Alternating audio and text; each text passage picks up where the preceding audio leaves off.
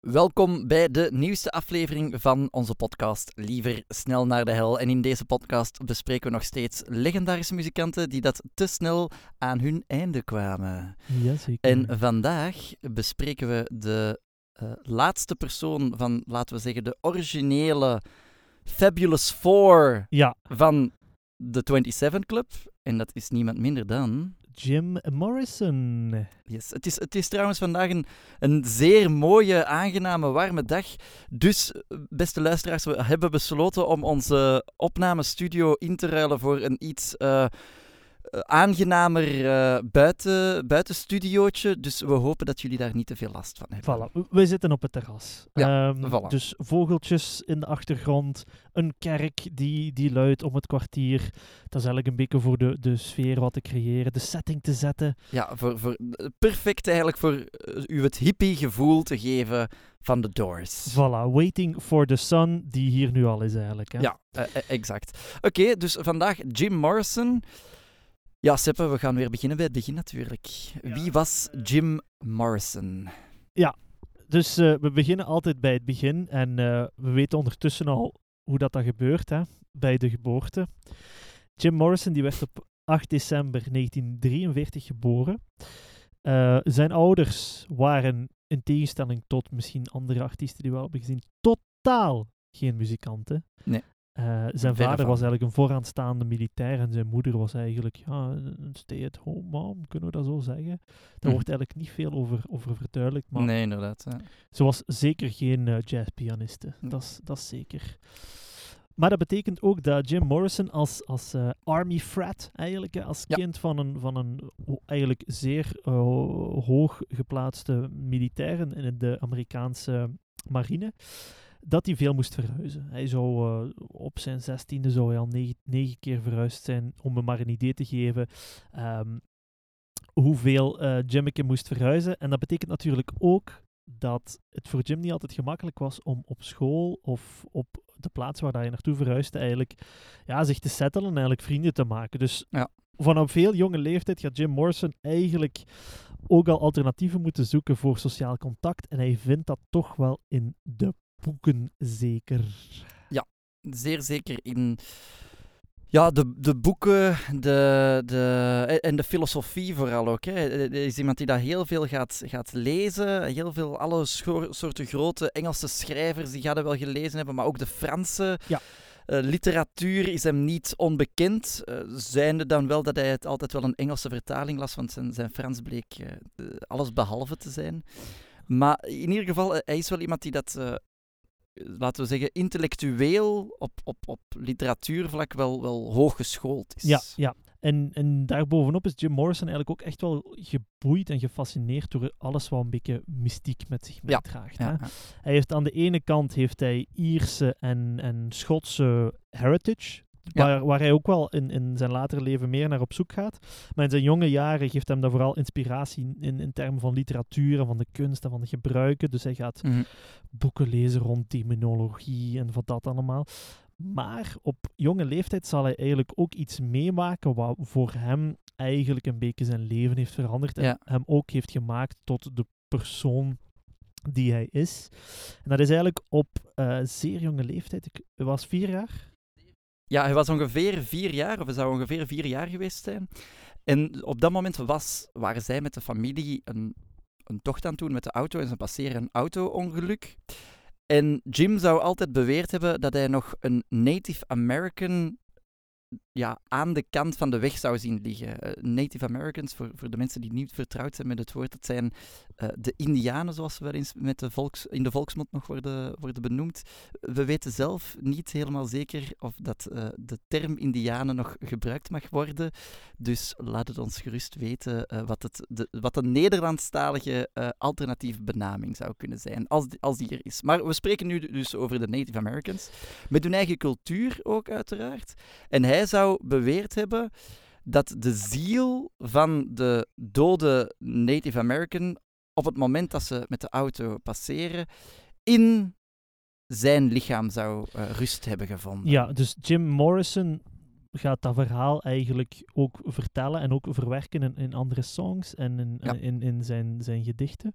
Nu, hij beschrijft het als een zeer gruwelijk tafereel waar dat veel bloed was en, en Ja. verschillende indianen zelfs. Hè, er waren omvergereden en er Ja, waren, zaten mensen vast in de auto. En allee, ze, ze wilden helpen en hij was heel ontdaan van het hele gebeuren. Nu, als datzelfde verhaal wordt gevraagd aan zijn familie, dus aan zijn moeder, dan zeggen ze eigenlijk van ja, er was inderdaad wel een accident, maar wij hebben dat helemaal niet zo ervaren. Als, Nee, ja, zij, zij herinneren het zelfs niet. Voilà, dus dat is ook wel een beetje Jim Morrison um, als fantast, als iemand die wel graag dramatiseert, dat we zeker nog gaan zien. Dus we weten natuurlijk niet wat is er van waar, maar wat zeker belangrijk is in, in die getuigenis, is dat voor hem dat wel een heel grote impact heeft gehad, een Ja. heel grote betekenis, en dat hij helemaal... Ja, hij, zei zelf dat hij niet meer het gevoel had dat zijn ouders zijn ouders waren. En dan heeft daar dan heel veel, heeft, heeft het voorval heel vaak gebruikt in een aantal nummers. En een van die nummers is het nummer Peace Frog. Misschien dat we daar ook eventjes naar kunnen luisteren. Ja, we gaan al een blik voorwaarts doen naar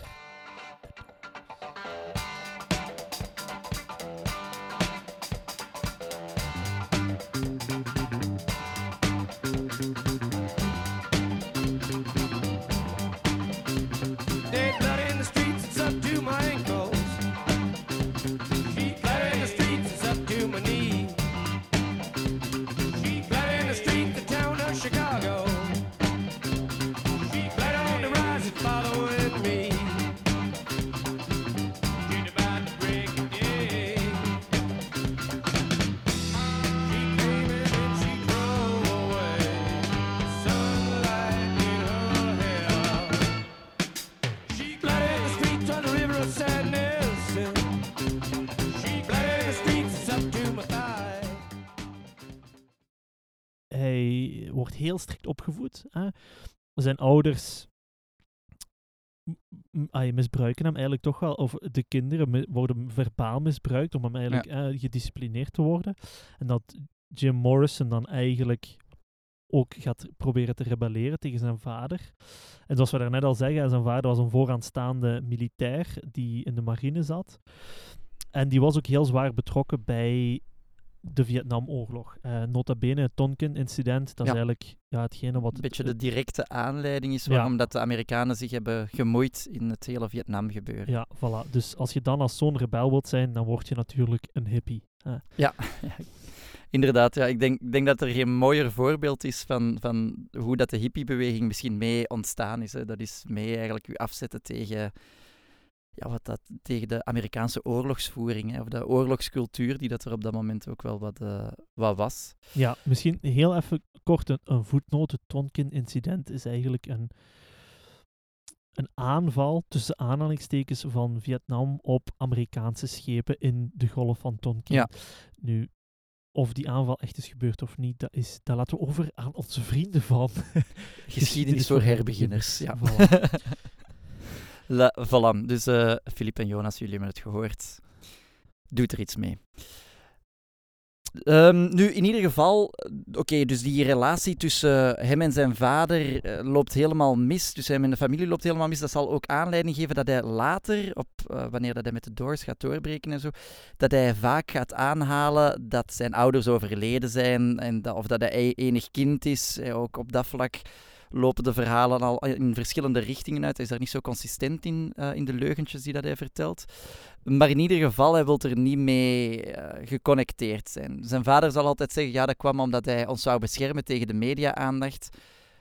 Ja, dat laten we in het midden of dat dat Ja. ook de werkelijke reden was. Maar oké, goed. Onze Jim, die gaat naar Dunif. Ehm, hij gaat eerst naar de Florida State University. Eh, ja, daar, daar hangt hij het ook wel eens eh, al uit tijdens een bepaalde voetbalwedstrijd. Of een American footballwedstrijd. ja, hè. ja. Ehm, ja, wat is daar precies gebeurd, Seppen? Ja, dat was dus eigenlijk Jim Morrison zijn eerste arrestatie. En we zeggen hier echt wel duidelijk zijn eerste, want ehm, hij hield wel van een keer gearresteerd te worden. Ja. En eigenlijk was hij daar eigenlijk dronken en nam hij de hoed van een politieagent af en was hij eigenlijk een vervelend klein rotjoch. nu, inderdaad, eigenlijk we zeggen, ehm, Jim Morrison die gaat dan eigenlijk eerst naar Florida en dan zal hij eigenlijk transfereren naar de UCLA. En natuurlijk in een universiteitsomgeving kom je nog meer in aanraking Ja. met andere eh, invloeden, met, met schrijvers. Jim Morrison had ook heel sterke i- interesse in filosofie, las ook heel veel. Een van zijn, zijn grootste invloeden was Friedrich Nietzsche. Ja. Een beetje een existentialist. Heel kort samengevat en kort door de bocht, de filosofie van Nietzsche zegt eigenlijk... Ja, God is dood. ja, God is dood. We- al- haal alles naar beneden. Hè, maak alles kapot. Er is een heel dus destructieve kant aan de filosofie van Nietzsche. En vanuit dat niets heb je eigenlijk de vrijheid om betekenis te creëren. Of Mhm. om u los te maken van het, hetgene wat er is en, en eigenlijk vrij te zijn. En Mhm. die filosofie neemt Jim Morrison wel zeer letterlijk eigenlijk. Hè. Hij is er in ieder geval heel hard ook, dus door die filosofie eh, is hij heel hard ge- geïnspireerd en hij gaat die dan ook meer en meer gaan verwerken, zullen we zeggen, in zijn eigen teksten, in zijn eigen poëzie. En het is ook in die UCL, eh, UCLA-periode, dus in die universiteitsperiode, dat hij ook steeds meer ja, geïnspireerd raakt of geprikkeld ra- raakt door de Beats Generation, de, de, de, de beatniks.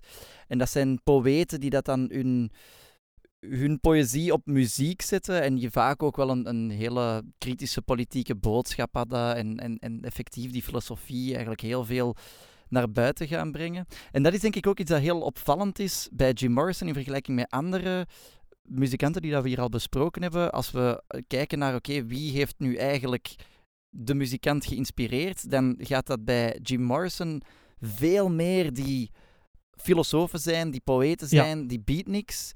Waarbij dat dus echt wel de tekst en de inhoud centraal staat. Terwijl bij anderen gaat het veel meer ja, de muziek zijn. Jim Morrison eh, luisterde uiteraard ook naar muziek. Hè. Ja, Hij- ja. Nu, inderdaad, gelijk gezegd, hij zag zichzelf ook echt als een, een poëet en een schrijver. Ja. En zijn, zijn droom was eigenlijk een, een vooraanstaande filosoof of een, een, een poëet worden. Ja.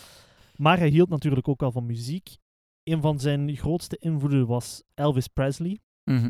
Eh, sterke stage presence ook. Eh, ook heel veel gericht op, op hoe dat hij eruit zag. Mhm. Eh, en ook Frank Sinatra. En dat gaat je heel goed horen aan de lage stem dat Jim Morrison Ja. gebruikt. Hè, de baritonstem die Frank Sinatra ook gaat gebruiken. Ja, inderdaad. En eigenlijk het is die, die invloed van, of, of de samenkomst van muziek enerzijds en die beatniks-inspiratie anderzijds, dat gaat je bij Jim Morrison het best horen, denk ik, op het nummer The Celebration of the Lizard. Wat eigenlijk een 17 minuten durend nummer is en meer een verhaal over ja, de Lizard King, eh, zullen we het Die, eh, die zeggen. hij zelf is eigenlijk. hè. Ja, sommigen zeggen dat hij het zelf is. Hij, hij heeft zich daar zelf nooit over uitgesproken. Maar het, het zou hem later ook wel de bijnaam geven, de, de Lizard King. Misschien kunnen we ook een stukje daarvan laten horen, dat we zo even goed aan onze luisteraars kunnen meegeven van, kijk, dit is eh, de beatnik-invloed van Jim Morrison. Voilà, tot binnen 17 minuten.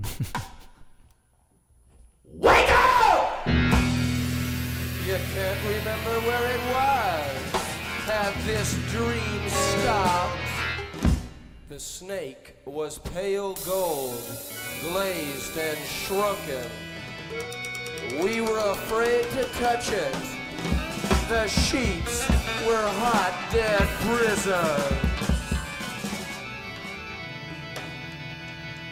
And she was beside me. Oh, she's no young.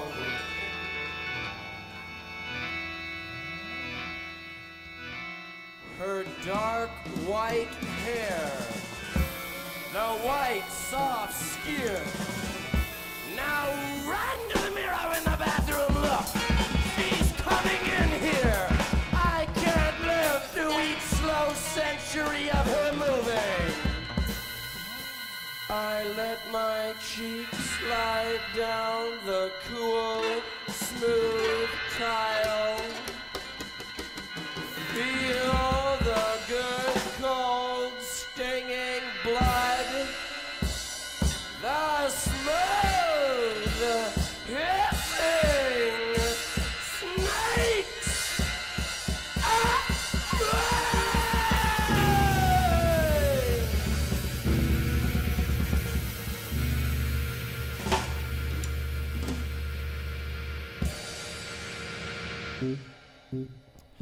Dus voilà, Celebration of the Lizard laat heel goed die invloed van de, van de beatniks horen, van de beat generation, eh, van de beat generation horen. Nu, wat dat we nu allemaal bespreken hebben, er is op dat moment nog geen echte sprake van de Doors. Er is alleen sprake van Jim Morrison, die dat enorm hard wel aan poëzie aan het schrijven is, met literatuur bezig is. En die daar ook ja, zich, zich, eh, zijn plek in de wereld begint te zoeken. En op een gegeven moment dan verhuist hij naar Venice Beach. En hij woont daar in een appartementje. Hij zou ook heel ehm, een echte bohemian lifestyle zo hebben. Dus hippies op zijn best. En op een gegeven moment is hij op het strand. En hij ontmoet daar een oude klasgenoot. Namelijk Ray Manzarek. En Ray Manzarek zal later de toetsenist zijn. of- Ja. Van de, van de Doors. En de twee raken aan de praat. En, en Jim vertelt over het feit van, ja, ik, ik schrijf wel wat poëzie. En Ray, Ray zegt van, ah, laat eens een keer iets horen. En oké, Jim Morrison zelf durft eerst niet echt, maar onder druk gaat hij dan toch een aantal teksten ja, eh, horen, Allee, of, of voordragen. Waaronder ook een tekst die dat later het nummer Moonlight Drive zou worden. En Ray Manzarek hoort die teksten en zegt van oké, hier zit rock and roll in, hier, Ja. hier kunnen we eigenlijk muziek opschrijven. En zo komen we eigenlijk tot het, tot het gegeven, want Jim Morrison had geen ambitie om muzikant te worden, om rock, rocker te worden, Hij heeft helemaal geen muzikale achtergrond, in vergelijking met alle andere artiesten die dat we al besproken hebben. Maar zo komt het eigenlijk dat Jim Morrison misschien een beetje per ongeluk in de muzieksector is terechtgekomen. Ja, inderdaad. En dus eh, daarna zullen nog twee andere leden de band eh, vervoegen. En dat zijn... eh, Robbie Krieger Robbie en Krieger. John Densmore. Voilà. En zo zal de Doors eigenlijk gevormd worden. De Doors, de naam zelf, komt eigenlijk van een boek van Aldous Huxley. Dat The Doors of Perception heet. Ja. En dat, de titel van dat boek is dan weer gebaseerd op een gedicht van Blake. William, Blake. Yes. Eh, en waarom The Doors of Perception? Basically zeggen ze, kijk, als we alles kunnen wegvagen van de Doors of Perception, Mhm. dan kunnen we pas eigenlijk echt ehm, ja, de realiteit zien zoals ze is. Dus basically, doe heel veel drugs en dan kan je zien hoe dat de wereld er echt uitziet. Ja, ja, ja, dat is... Eh, maar dus inderdaad, Jim Morrison heeft niet echt een muzikale achtergrond.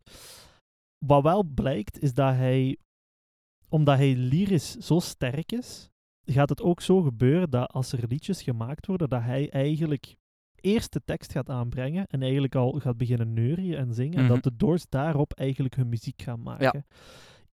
Waardoor dat je eigenlijk een heel interessant ja, muziekcreatieproces Ja. krijgt, omdat de, de, de instrumenten en de, de, de gitarist en de drummer en de toetsenist gaan eigenlijk proberen te ontrafelen wat Jim Morrison met zijn teksten probeert te Ja. neurien en te doen. Er zit daardoor veel meer gevoel ook in die Voilà. muziek. Hè? Voilà, Ja. waardoor dat die teksten ook veel meer prominent worden. Eh, Ja. Want Jim Morrison had op voorhand eigenlijk ook al teksten geschreven die dan later liedjes zouden worden van eh The Doors. Hè. Waaronder dan die Moonlight Drive, wat we net al... voilà. Maar ook eh, Hello, I Love You Ja, had hij ook al, al, al heel lang geschreven en zou pas op het derde album komen. Ja. Wat zeker ook wel belangrijk is, ook om de mensen van The Doors zelf credit te geven, is dat Jim Morrison schreef niet altijd alleen. Hè. Nee, nee, nee. nee. De, de, Gitarist. de eh, gitarist en de toetsenist ja. zelf waren ook zeer betrokken in het creatieve proces en hebben zelf ook meer liedjes geschreven. Ja. Zeker. Nu de Doors die beginnen op te treden. Zijn gevormd en ze beginnen eerst wat in de London Folk Club in Los Angeles op te treden. En daar zeggen ze van, kijk, die optredens waren heel belangrijk voor ons, voor de eenheid van de band te, te vinden. Ehm, daar vinden ze, ja, daar, daar, daar leren ze eigenlijk een klein beetje om samen te spelen, om eigenlijk het publiek wat te gaan entertainen. En daardoor worden ze ook opgemerkt door ja, bepaalde andere platenbazen, of allee, platenbazen misschien nog niet echt, maar zowel andere mensen uit de muzieksector. En krijgen ze de opportuniteit om op de Whiskey A Go Go of in de Whiskey A Go Go te spelen. En ze spelen daar dan als voorprogramma van Dem. En Dem is een band uit Noord-Ierland, als ik me niet vergis. Eh, van Van Morrison. Dus de naamgenoten Jim Morrison en Van Morrison, die kruisen elkaar daardoor. En Van Morrison zou ook een heel grote invloed hebben gehad op de ja, de podiumpersoonlijkheid van Jim Morrison. Zo het, het, het entertainen van het publiek Ja. en, en meegaan. En ja, daar zouden ze ook in die Whiskey A Go Go een fantastische, prest, allee, fantastische nummers hebben neergezet, eh, waaronder The End, maar ook een, een mooi eh, samen hebben gespeeld met Dem, eh, dus met Van Morrison, en hun legendarische nummer Gloria. Misschien even luisteren naar eh, I want you to take a little ride, alright, okay, yeah, yeah, hey, hey, what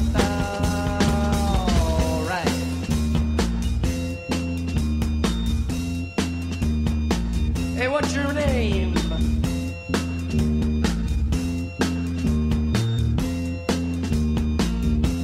How old are you? Where'd you go to school?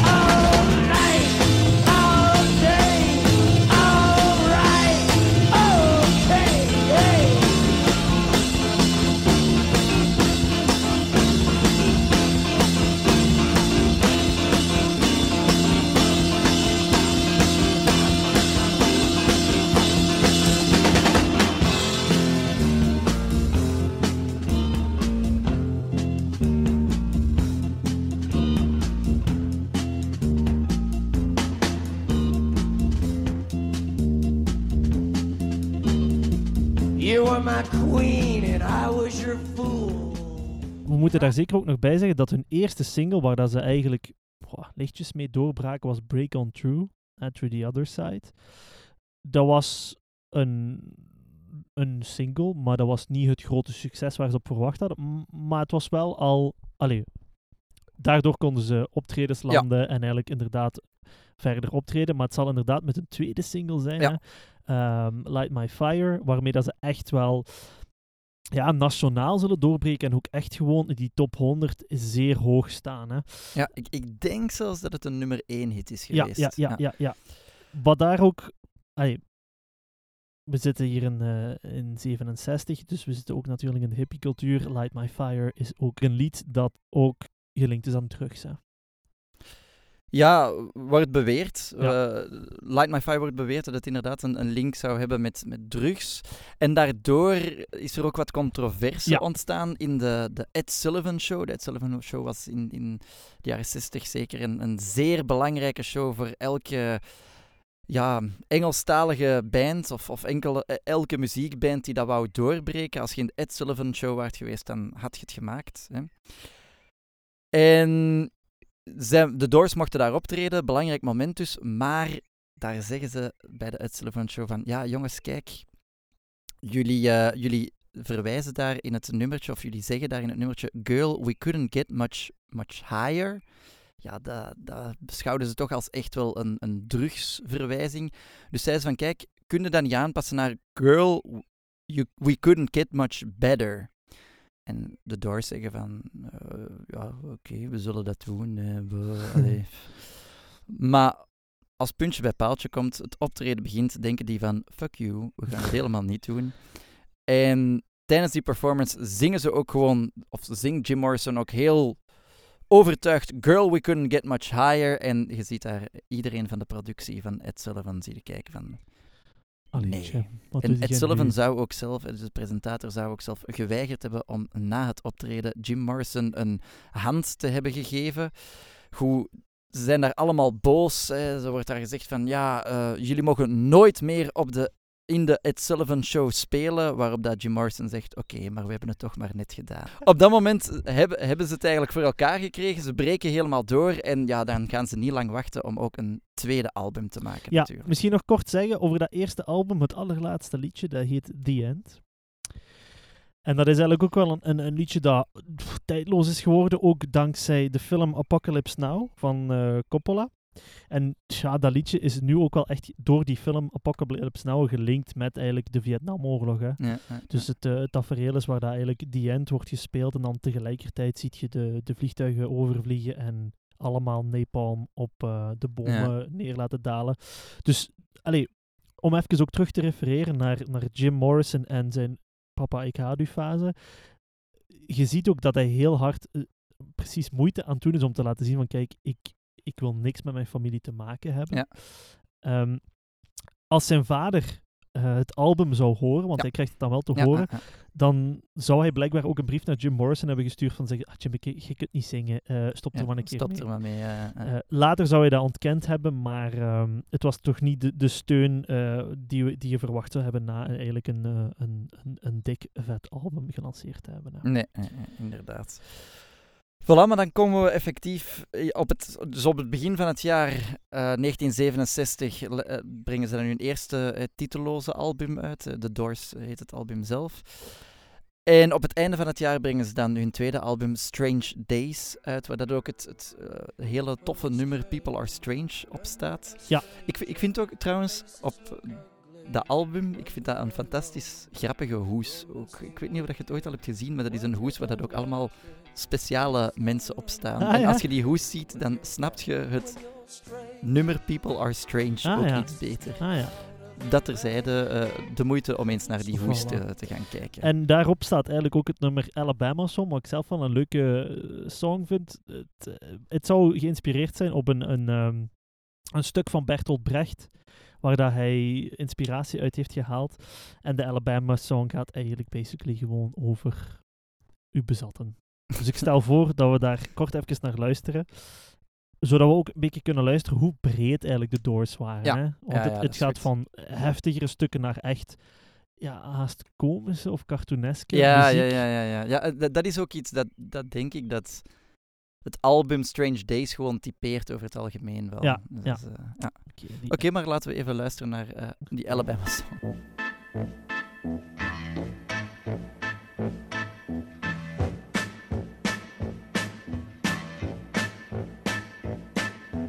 Show me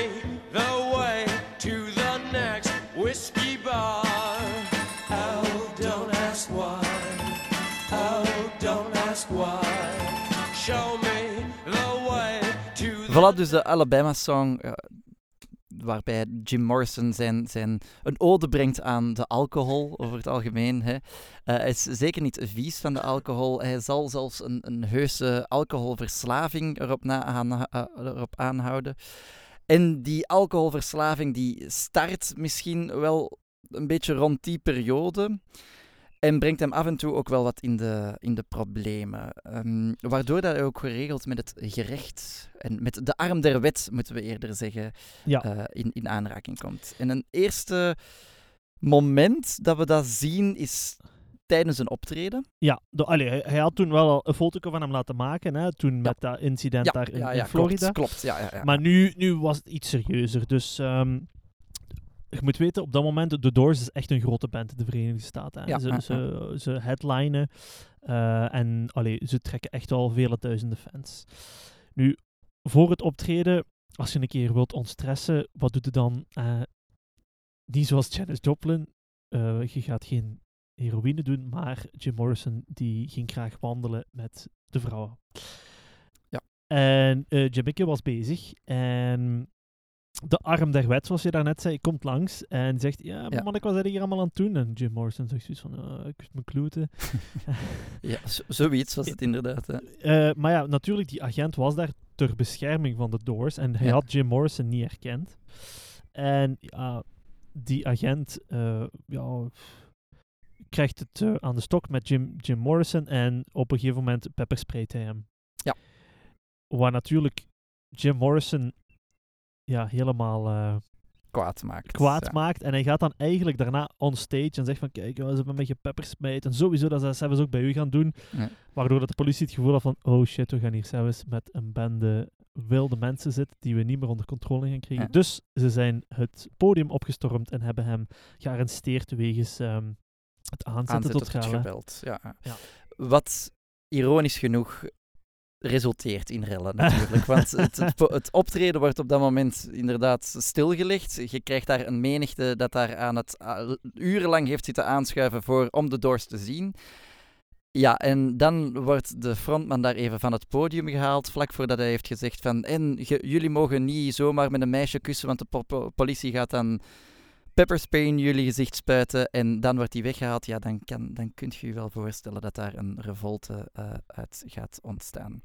Ja. Eh, waardoor, we, waarbij we niet willen zeggen dat, eh, dat we dat goedkeuren natuurlijk. Eh, maar kijk.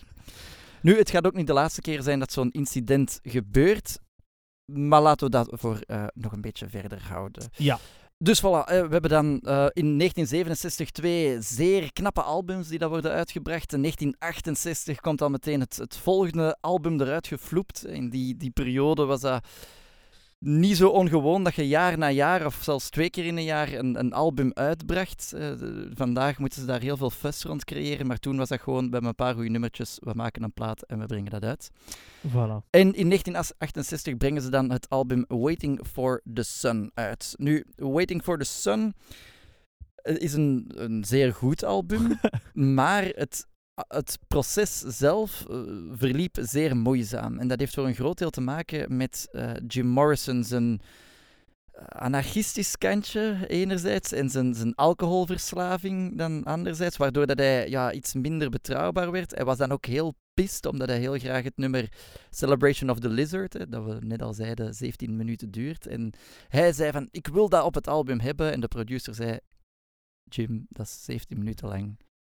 Niemand wil dat horen, we gaan het er niet op zetten. Nee, en het lied is nu ook net geen Bohemian Rhapsody. hè. Nee, nee, nee. Ja, de Bohemian Rhapsody is dan ook maar zes minuten Ja, lang ja. natuurlijk. hè. Maar wel een ander heel mooi nummer dat erop staat. En dat is Hello, I Love You. Voilà. I love you too. Eh, nee, voilà, dan zullen we daar even kort naar luisteren.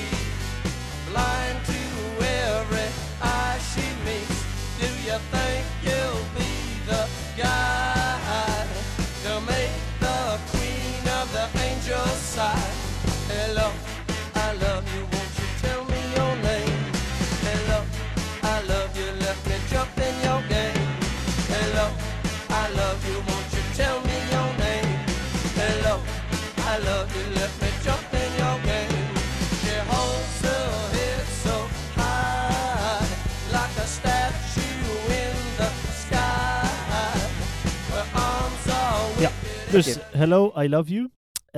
Jimmeke die ging nogal eens graag wandelen met de vrouwen. En hij heeft er eigenlijk ook wel een serieuze, tussen aanhalingstekens, relatie aan overgehouden. Dat is een on-off relatie die zeer open was. En dat was eigenlijk met Pamela Corson. Ja. En zij is eigenlijk ook dochter van een hooggeplaatste militair. Dus laten we zeggen dat ze elkaar erin wel hebben kunnen vinden. eh, want zij is ook meer een hippie dame die probeert te ge- genieten van, van de jaren 60 met alles erop en eraan. Ja. En zij zullen een zeer eh, ja, turbulente relatie hebben. Dat zal weer ruzie zijn, maar ze zoeken elkaar ook op. En allee, je kent dat. Jim Morrison zou voor haar een, een kledingboutique hebben gekocht, waar zij dan eigenlijk kleren zou kunnen verkopen. Terwijl hij aan toeren is, weet ik veel wat. Maar tijdens hun relatie hebben ze ook nog andere relaties gehad. Het was, het, was het, het schoolvoorbeeld van de open relatie. Ja, voilà. It's En- complicated avant la lettre. Voilà, inderdaad. It's complicated. Een opmerkelijke relatie is natuurlijk de relatie met Nico. Ja. Van toen de Velvet Underground, die ook zeer fel betrokken was bij Andy Warhol en Ja. heel die garde. En Jim Morrison was daar ook wel kort in betrokken. Nu, die heeft daar ook wel niet de beste impressies nagelaten, omdat hij toen was hij zwaar alcoholverslaafd. Ja, dus ja. dat was een kortstondige relatie met Nico, maar met de rest van de mensen van eigenlijk Andy Warhol, et cetera, kon hij het niet helemaal vinden. Maar naast Nico heeft hij ook nog heel wat andere relaties. We, we hebben het in de vorige aflevering ook al eens aangehaald. Dat hij ook eens kortstondig zijn zinnen had gezet op een eh, Janis Joplin. eh, wat een beetje wat gestimuleerd werd door hun eigen manager. Maar ook op de, op de muziekcriticus Patricia Keneally. En dat is toch ook wel iets heel interessants, want beide hadden een, een fascinatie voor de, laten we zeggen, de, Kel- de Keltische heidense religies. Ja. En zij zouden zelfs getrouwd zijn binnen eh, zo'n Keltisch gebruik. Nu, je moet je dan ook voorstellen, Patricia Keneally als muziekcriticus helemaal in de ban van Jim Morrison is echt van wauw, dit is het. Eh, Jim Morrison zelf ehm, ja, vond dat wel leuk om daar eens een, een ceremonietje mee te doen, maar was daar niet ja, eh, eh, blijkbaar zou Patricia het Jim een beetje verweten hebben dat hij die ceremonie achteraf niet zozeer serieus Ja. had genomen. Maar dat zou blijkbaar ook wat te maken hebben met het feit dat zij tegen hem zei van Jim, I am with child. En dat Jim wel een beetje lijkbreek wegtrok en zoiets had van uh-oh. Ja. Maar dat is blijkbaar dan, ehm, was dat eigenlijk allemaal niet waar. Ja, dat, op dit moment is hij ook nog niet gestorven, hè, inderdaad. Nee, Eh, nee, nee, inderdaad. hij is, eh, inderdaad. Hij, hij, hij, zo hij lijk- trok, zo- hij zo trok ble- lijkbleek weg, maar het was niet zijn... Nee, zijn- zo lijkbleek. Maar zij hadden dus ook wel een long distance relationship. Dus, allee, dat was, ja, een extraatje erbij, Ja. denk ik dan. hè. Ja, ehm, en niet alleen Patricia Keneally zou bij hem hebben aangeklopt en hebben gezegd van... Hallo, dit is kleine Jim. Maar ook andere vrouwen zouden eh, rechtszaken hebben aangespannen en eh, beweerd hebben dat, dat het kind dat zij in hun armen hadden, dat dat een kleine Morrison was. Je zou voor minder naar Frankrijk vluchten. hè. Ja, voilà, voilà. our love went riding. She rode all the day. She rode to the devil and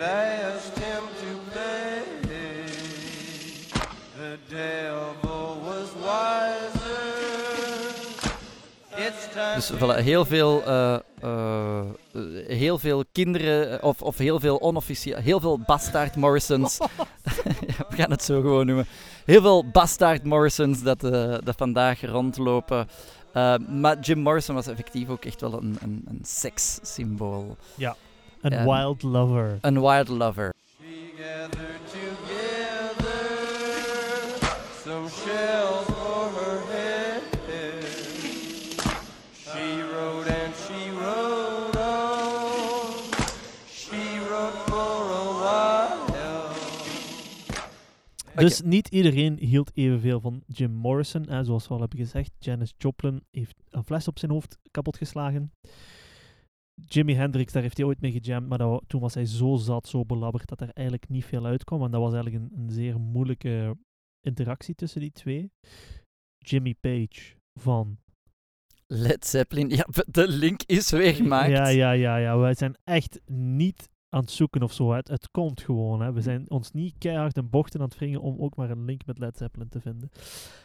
Maar ja, die zei ook van, ja, kijk, eh, die studioalbums geweldig, maar ehm, ja, als je die live ziet optreden, dat is- niet veel soeps. Waarop dat Jim Morrison zegt, Led Zeppelin, ik luister niet naar rock, wie zijn dat zelfs? Dus, allee. Het doet me er trouwens aan denken, in de vorige aflevering zijn we vergeten de link te maken tussen Janis Joplin en Led Zeppelin. Ik ga hem kort hier even maken. Do it. Led Zeppelin, of Jimmy Page, heeft altijd gezegd: Janis Joplin, dat was mijn drankmaatje. Voilà. Die link is gemaakt. En we kunnen terug verder. Voilà, we kunnen terug verder. Dus ja, Jim Morrison, zeker eh, naar het einde van de jaren 60 toe, zijn alcoholgebruik wordt eigenlijk echt Ja. On, ondoenlijk. Zijn shows worden ook belabberd slecht. Hij haalt het midden van zijn shows niet. Wat, wat de band heel vaak moet doen, is gewoon verder muzikaal begeleiden om hem eigenlijk Ja. door die optredens te krijgen. Hij gaat op de grond liggen. Ja. Hij, hij gaat eh, half beginnen strippen. Hij gaat ook veel seksuele gebaren doen. eh, Zo zou hij gemasturbeerd hebben met een, eh, een Microfoon, en ja. een champagnefles, et cetera.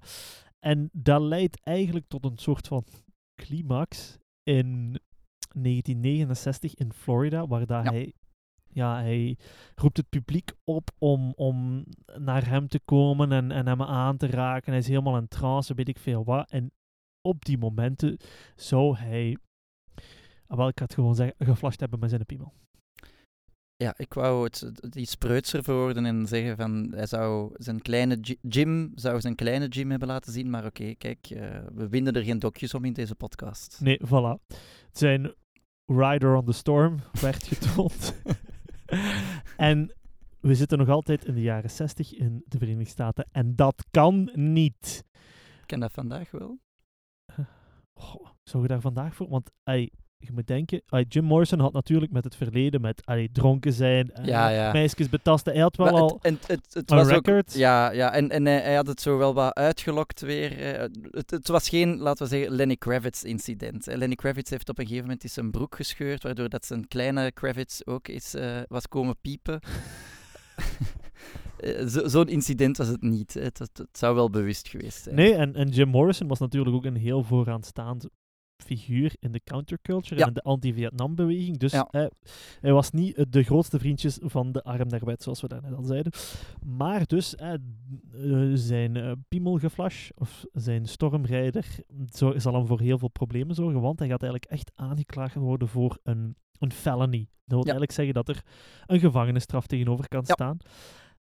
Eerst probeert het management en, en en de producer nog van alles te verzinnen om te zeggen van nee, dat heeft hij niet gedaan en dat was zijn, zijn Jimmeke niet en weet ik veel wat.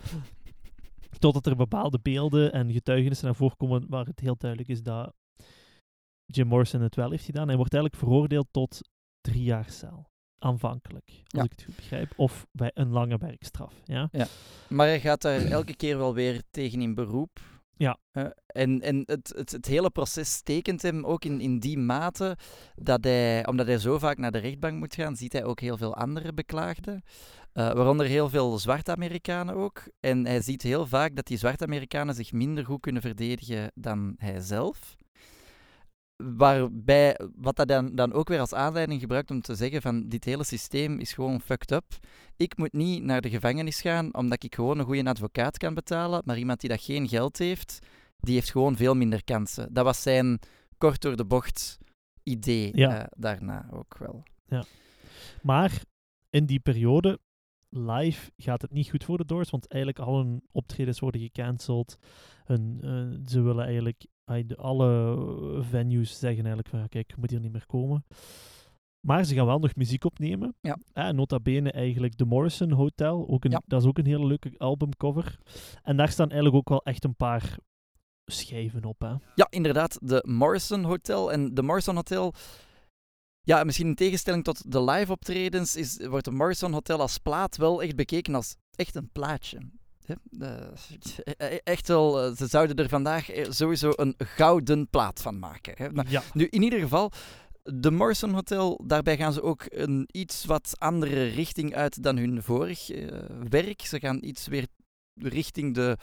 Of ze laten zich meer inspireren door de blues, door de jazz. En het wordt ook meer een bluesrock eh, plaat. Dat is ook in de periode waar, waarin dat Morrison volledig weg is van de Rolling Stones. Tijdens de opnames van de Morrison Hotel zou hij zelfs ja, eh, gewoon een uitstapje hebben gemaakt van de ene naar de andere staat met het vliegtuig om een optreden van de Rolling Stones te kunnen zien. Hij was een enorme fan van Brian Jones in het, in het bijzonder trouwens. Nu, dat uitstapje zelf eh, was ook misschien niet zijn, zijn beste idee, want daardoor kreeg hij nog een nieuwe rechtszaak er nog eens bovenop. Ja. Want in het vliegtuig zat hij daar met een, eh, met een vriend van hem. En ja, ze hadden weer uiteraard wel wat gedronken en ze begonnen de stewardesses wat lastig te vallen. Waardoor dat een van de stewardesses Jim Morrison aanklaagt eh, voor, oh, ja, voor, voor aanranding niet, maar, maar wel voor ja, ongepaste, ongewenste in- intimiteiten, eh, zullen we het even overkoepelend zeggen. En ja, ook dan weer is er, ja, komt, komt Jim eigenlijk weer onder vuur te liggen. Los daarvan komt de Morrison Hotel uiteindelijk uit. En dat blijkt wel echt een, een, een plaatje te zijn dat hele goede reviews krijgt. Ja. Nu, ondanks het hele, laten we het even het stewardessen-incident noemen, ja, wordt de Morrison Hotel wel uitgebracht. En die wordt heel goed onthaald. En een mooi nummer dat op de Morrison Hotel staat is de, eh, het nummer Roadhouse Blues. En om een beetje wat de feeling te geven van eh, ja, de Morrison Hotel, stel ik voor dat we daar misschien even naar luisteren. Oké.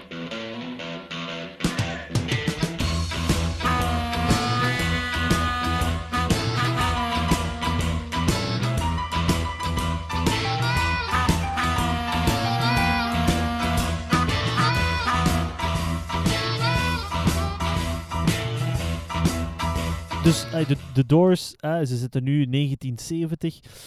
Ze hebben minder optredens. Dus ze gaan hier en daar nog wel een optreden kunnen doen in Canada, Mexico, hier en Ja. daar in de Verenigde Staten. Maar ze zitten niet aan hetzelfde touringgehalte waaraan dat ze voorheen zaten.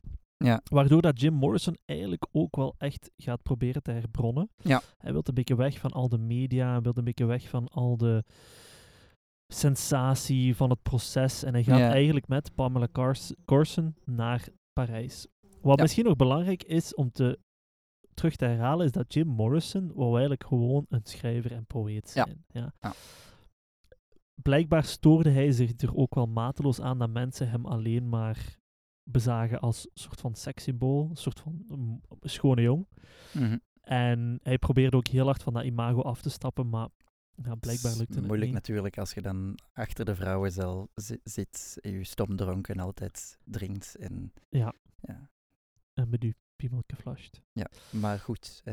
Maar voilà, dus Parijs was eigenlijk echt een beetje eh, het doel om te herbronnen. En daar gaat zijn relatie met Pamela Corson ook meer en meer een relatie aannemen van ja, haast man-vrouw.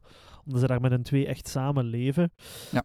En pff, de getuigenissen van zijn periode in Parijs zijn een beetje dubbel. Sommige mensen zeggen van, oh Jim ziet hier in Parijs goed uit. Het lijkt precies alsof hij terug bij zijn positieve aan het komen is. Hij is Mhm. terug energie aan het krijgen. Omdat je moet weten, ja, Jim Morrison ja, die was zo dronken altijd. Die nam zoveel drugs. Dat hij ook gewoon fysiek echt gewoon Ja. begon te takelen. Ja, ja, ik denk, er zijn heel bekende foto's van Jim Morrison, de, waar dat hij mij in bloot bovenlijf zoals staat. Dat is echt het sekssymbool Jim Morrison tegen het einde, of, of vier jaar later is dat, ja, denk daar wat meer vetlaagjes Ja. bij, eh, een verwilderde baard.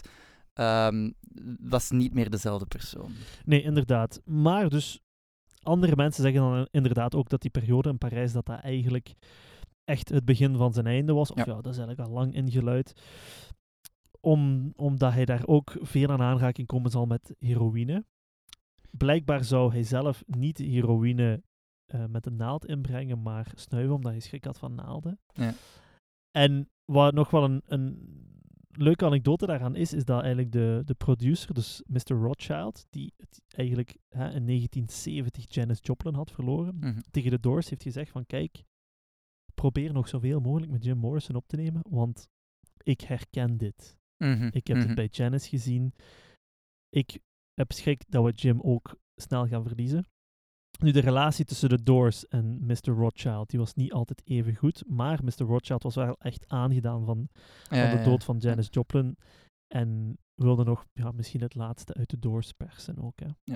Dat is dan ook gebeurd Ja. eh, in de vorm van LA Woman. LA Woman is dan eigenlijk nog opgenomen vlak voordat hij naar Parijs is Ja, gegaan. ja, ja, hè. dat, ja. dat was echt een beetje het idee van, kijk, we nemen dit nog op, we brengen dit nog uit. Ik Denk, bij wijze van spreken, de dag dat de laatste opname was afgerond, heeft hij, is hij op het vliegtuig gestapt naar Parijs. Ehm, maar ja, dat laatste album, dat brengen ze dan ook nog uit en is ook echt nog wel een, een succes. hè. Wordt- als, als een van de beste albums van, ja. van de Doors beschouwd. Voilà. En een bekend nummer op die plaat is Riders on the Storm. Dat is een lied dat denk ik ook heel veel geremixed is al door, door verschillende mensen. Maar mensen gaan Riders on the Storm ook misschien kennen van het bekende spelletje Need for Speed. Omdat dat daar ook in voorkomt. Dus het is een tijdloze plaat die wij als kinderen zeker hebben gehoord op het, eh, op het Need for Speed spelletje. Moest je dat ooit gespeeld hebben. Riders on the storm. Into this house we're born. Voilà, over eh, Riders on the Storm gesproken. We zitten ook in het laatste uur van Jim zijn leven.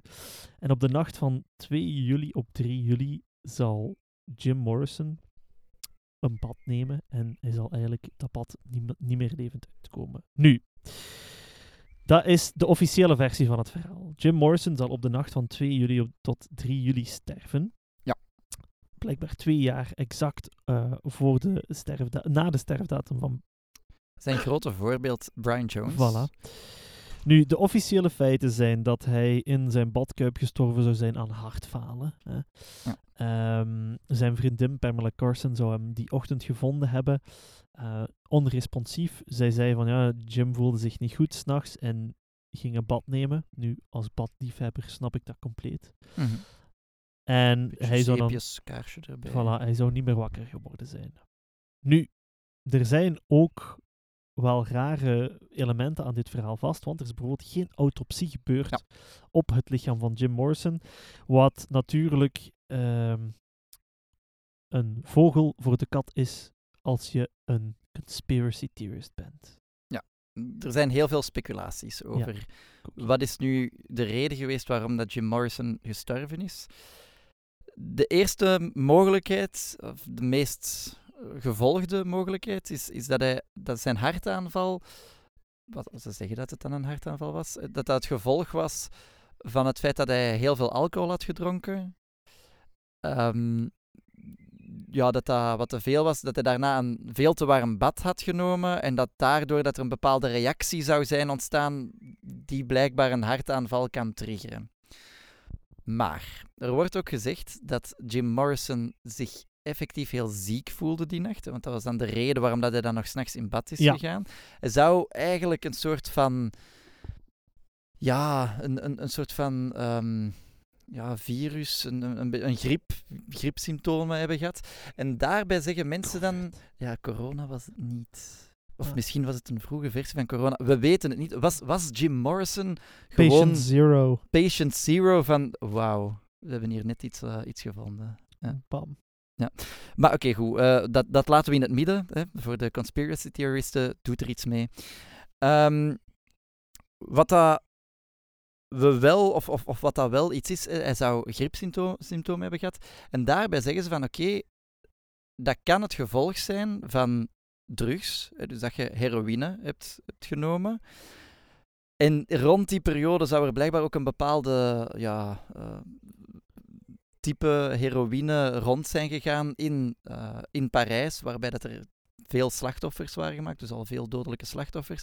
Dus het zou wel perfect kunnen zijn dat Jim Morrison die, dat, dat type heroïne had gebruikt. Dan is nog de vraag, hoe komt het dat hij heroïne aan het gebruiken was? Eh, heeft hij dat dan samen met zijn vriendin in het appartement gebruikt? Of was er iets anders? Ja, want er zijn ooggetuigen die, die hem en zijn vriendin die avond nog in een club hebben gezien. Ja. En De- zelfs ehm, hem dood hebben aangetroffen eigenlijk in Ja. een, een toilet. Waar dat hij eigenlijk ja, een beetje schuim op zijn mond had, een beetje bloed. Ja. En dat mensen hem letterlijk uit de club hebben moeten dragen Ja. en hem eigenlijk daar in bad hebben gelegd. Ja, en dat was eh, een van de getuigen, zou zelfs een van de medewerkers zijn van, dat, eh, van, van die club. Ja. Dat was de Rock and Roll Circus Club in, eh, in Parijs. En het idee, ja, waarom brengen ze die dan weg? Ja, die club wou, wou geen doden in, Voilà. in, in hun club hebben natuurlijk, hè, want dat is slecht voor de reputatie, slecht voor de raam. No problem. Ja, dan ook nog eens een keer een Jim Morrison. Je wilt dat daar allemaal eigenlijk niet rond hebben. Dus idee, we brengen die gewoon naar zijn, eh, naar zijn kamer. eh. We laten daar een bad vol lopen en bam, het probleem lost zichzelf op. Nu, Pamela Carson is de enigste erfgenaam van Jim Morrison geweest. Nu, ik heb wel nergens gevonden waar dat zij verdacht wordt eigenlijk. Nee, dat, dat heb ik ook niet nergens Nee, gevonden. dus zij blijft bij, bu- buiten schot, maar zij maakte wel aanspraak op het fortuin van Jim Morrison. Omdat Jim Morrison niemand anders van zijn familie eigenlijk ehm, in zijn erfenis had gezet. Maar zoals het lot soms het helaas wil, zal Pamela Carson twee maanden voordat ze de erfenis van Jim Morrison zou krijgen, zal zij zelf sterven aan een overdosis heroïne. Wat natuurlijk ook wel doet denken aan, oké, zij doet heroïne, ze zal het waarschijnlijk samen met Jim Morrison hebben gedaan. De kans is groot dat het een accidentele overdosis was. Ja. Nu, er is ook wel een laatste theorie die stelt dat Jim Morrison zijn hele dood gewoon in scène heeft gezet. Eh, omdat er effectief geen autopsieverslag is, wordt er dan betwist, ja, maar ja, was hij wel dood? En ligt er niet gewoon ja, een, een berg zand onder, onder de grond? Hè? Mensen vinden die ideeën in het feit dat hij in het nummer LA Woman spreekt over ene Mojo Ryzen. En Mojo Ryzen is een acroniem voor Jim Morrison. En in de laatste maanden voor zijn dood zou Jim Morrison zelf gezegd hebben van ja, kijk, eh, al die, die beroemdheid, al dat gedoe hier, ik ben het beu. Ik, wil, ik, ik zou het eigenlijk allemaal liever achter mij willen laten en een nieuw leven willen starten als Mojo Ryzen. Ergens waar dat niemand mij kan vinden. Dus er zijn ook mensen die dat stellen dat Jim Morrison nu nog altijd ergens rondloopt. Er zijn zelfs mensen die beweren dat ze hem hebben gezien, of die dat eigenlijk denken dat ze hem hebben gezien. Eh, Dus voilà. Is hij effectief 27 geworden, of Voilà. was dat het einde? En Dus- hier nu als special guest, Mr. Jim, Jim Morrison! Misschien moeten we nog even luisteren naar het nummer LA Woman en, en meer bepaald naar het, het stukje waarin dat hij Mojo Ryzen aansch aanschreeuwt.